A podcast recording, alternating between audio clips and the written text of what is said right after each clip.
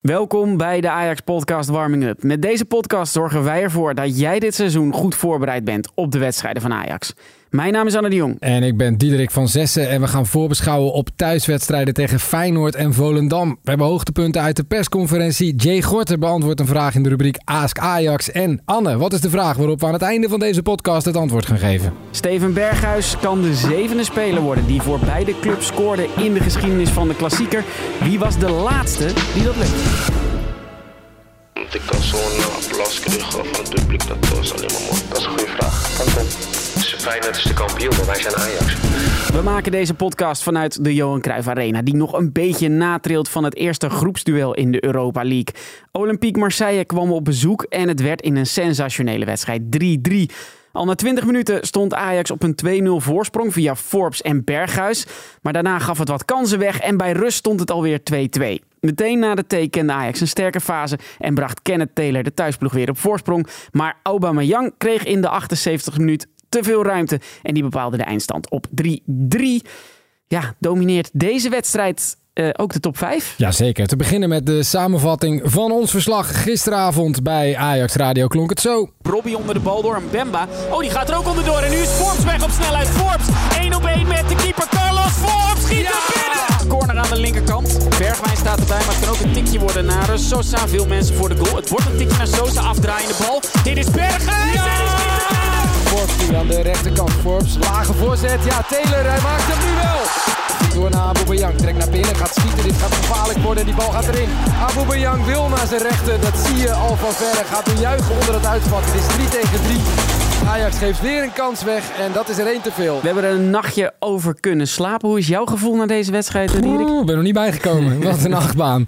Ja, ik ben er helemaal schoor van. We hebben echt uh, wel flink, uh, ja, flink wat te doen gehad gisteravond ja, in ieder geval. Ja. ja. bij Ajax Radio. De sfeer was fantastisch. We hebben veel doelpunten gezien.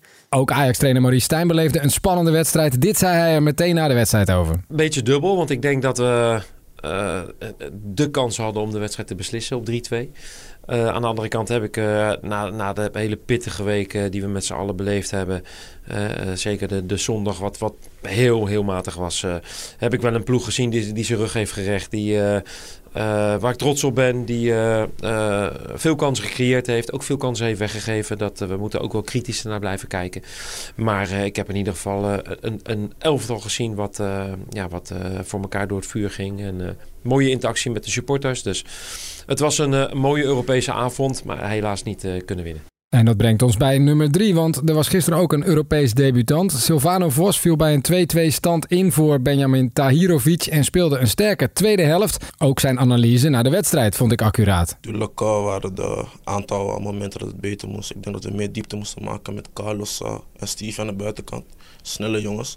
Daar moeten we gewoon meer gebruik van maken. Vos moest in de blessuretijd helaas wel naar de kant nadat hij een tweede gele kaart had gekregen. Wat vond hij daarvan? een uh, kutgevoel, sorry. maar uh, um, dat ik uh, zo'n applaus kreeg van het publiek, dat is alleen maar mooi. Hij wint er geen doekjes op, hè? Nee, ja, het is wel een uh, eerlijke open spreker. Ja. Uh, en uh, ik vond het wel, wel mooi om hem voor de camera's te zien. Hij is natuurlijk nog, nog hartstikke jong. En er is wel een plan met hem. Straks gaan we het even hebben over de persconferentie over Ajax Feyenoord. In voorbereiding op Ajax Feyenoord. En daar wordt hij ook wel weer genoemd. Ja, maar die minuten die hij maakte waren veelbelovend. Nummer twee waren we, geloof ik. Ja, naast Ajax Feyenoord en Ajax Volendam zijn er de komende dagen nog veel meer Ajax-wedstrijden. Zullen we daar eens even op inzoomen? Ik heb jou een lijstje gegeven net. Ja. Uh, voor aanstaande zaterdag, wat staat er allemaal op het programma? Wat nou, valt je op? Nou, het begint sowieso om 9 uur. Dan hebben we dan 2, 4, 6, nou, bijna uh, meer dan 10 wedstrijden op de toekomst. Alleen maar jeugdvoetbal. Uh, twee keer Ajax PSV. Ajax onder 15 tegen PSV onder 15. En uh, om half drie, ik denk dat dat uh, de belangrijkste wedstrijd is. Ajax onder 18 tegen PSV onder 18. Of in ieder geval degene waar de meeste mensen naar gaan kijken. Al is het alleen omdat hij op YouTube wordt uitgezonden. Ja, is op YouTube te zien. Maar voor alle andere wedstrijden geldt. Uh, check het programma even op ajax.nl. Staat ook in onze show notes. Je kunt altijd even naar Amsterdam Zuidoost komen. En dan uh, gewoon parkeren bij de toekomst. En talenten zien. Maandag speelt ook nog Jong Ajax tegen FC Eindhoven om 8 uur.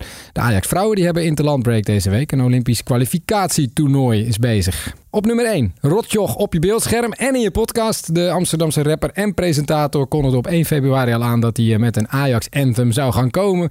En nu is het nummer Jaxi Mannetje dan ook echt officieel uit. Heb je hem al gehoord? Nee, je krijgt niet, straks hè? mijn, mijn echte originele reactie van uh, Rotjoch. Nou, laten we gewoon even een stukje luisteren. Luister dan, grap. Een rode baan in het midden. Links wit, rechts wit. Zo is het altijd al geweest. Zo zal het altijd blijven. Wat denk jij dan, grap? Amsterdam, Amsterdam, Amsterdam. door je speakers. Archie, vertel ze waar we vandaan komen. Jaxie mannetje, rood wit de embleem. Ja, dit is Architrex. Het is eigenlijk een nummer van deze jongen, Architrex. En daar komt Rotjoch uiteraard, zoals wij hem een beetje kennen... sinds het opnemen van Ajax Podcast aflevering 19. Um, ja, komt er dan overheen. Een beetje tussendoor. Ja, ja het is het? erg Rotjoch. En er kunnen, wat mij betreft, niet genoeg Ajax-anthems zijn. Dat ben ik helemaal met je eens. En je kunt ook zeggen, het zijn zware tijden voor Ajax. Je kunt uh, zo'n nummer uitbrengen in ja. een gouden seizoen. En dan uh, een beetje meesurfen op het succes. En als successupporter voor de dag komen. Rotjoch doet het ook in ja, lastige tijden voor Ajax. Jaxie mannetje. Zo heet hij. Ja. staat nu op alle streamingdiensten. Nog een beetje, ja, en een beetje, een beetje nog een boek gelezen of zoiets? Of een, een krant?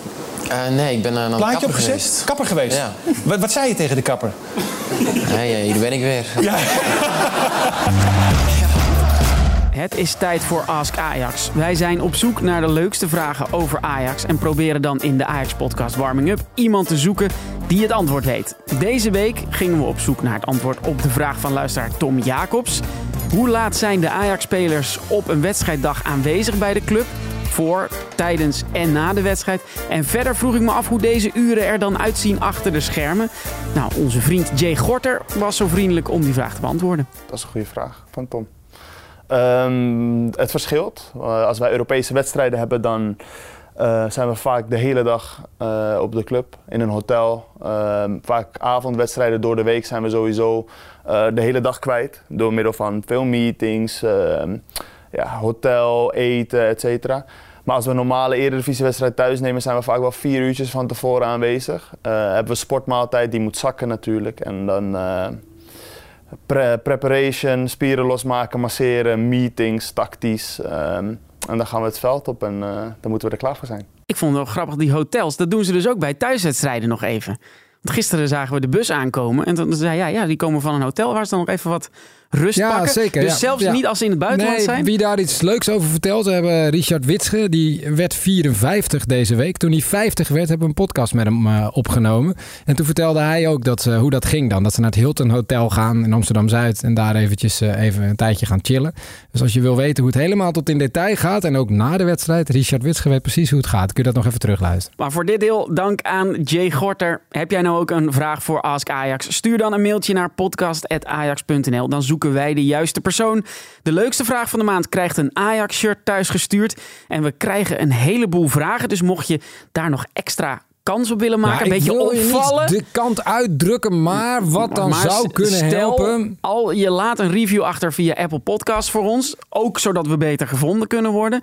Ja, dan zou het zomaar kunnen zijn dat je nog net even iets bij de jury net iets beter ligt. Dat zou zomaar kunnen. Het eerste affiche waar we in deze podcast voor opwarmen is van zichzelf al loeiend heet. Ajax Feyenoord. De wedstrijd in de Johan Cruijff Arena zal onder leiding staan van Serdar Guzebujuk zondag. En voor de wedstrijd gaan we, als het goed is, afscheid nemen van een grote Ajax-ziet. Een van mijn lievelingsspelers misschien wel, Jurjen Timber. Hij maakte zijn debuut op 7 maart 2020. Het was een uitwedstrijd tegen Herenveen. Ajax won die wedstrijd met 1-3.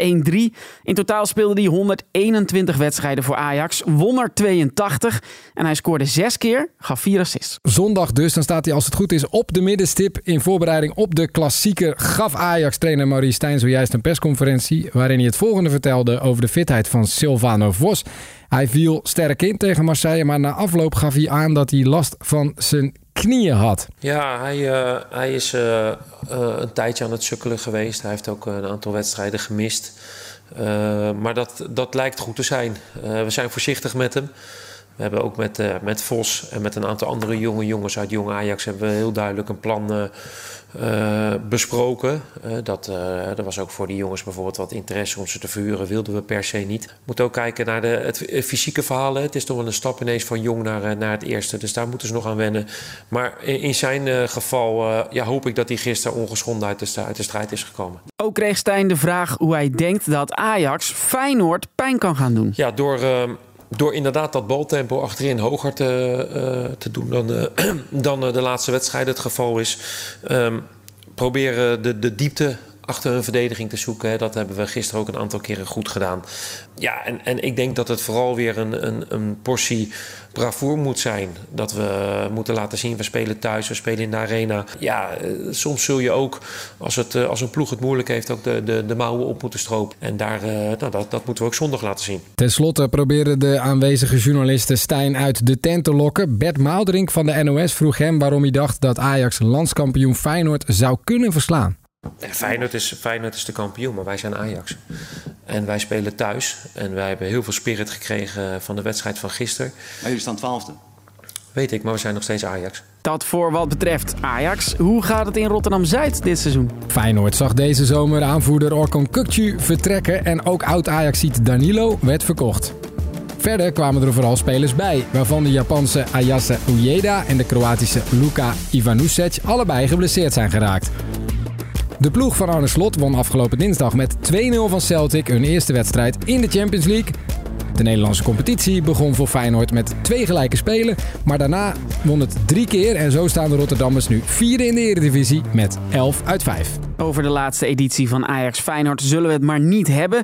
De historische statistieken zijn een stuk beter. De klassieker is tot nu toe 195 keer gespeeld in alle competities. En van die 195 keer won Ajax er 92, Feyenoord 57. Ook wel een leuk feitje. Ajax scoorde in 61 van zijn laatste 62 eredivisie-duels tegen Feyenoord. Er wordt sowieso bijna altijd gescoord in deze wedstrijd. Twee keer werd het in de geschiedenis maar 0-0.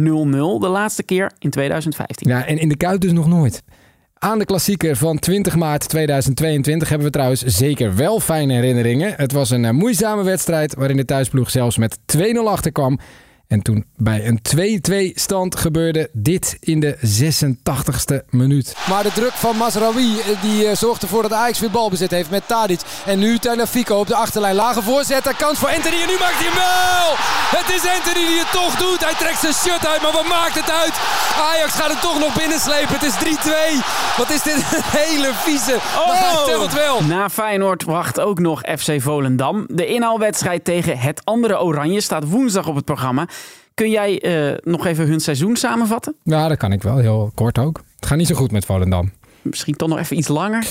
Oké, okay, uh, bij FC Volendam verruilde ex-Ajaxiet Wim Jonk deze zomer het trainerschap voor de rol van technisch directeur. Hij stelde zijn assistent Matthias Koler aan als zijn opvolger en die heeft tot nog toe geen gelukkig seizoen.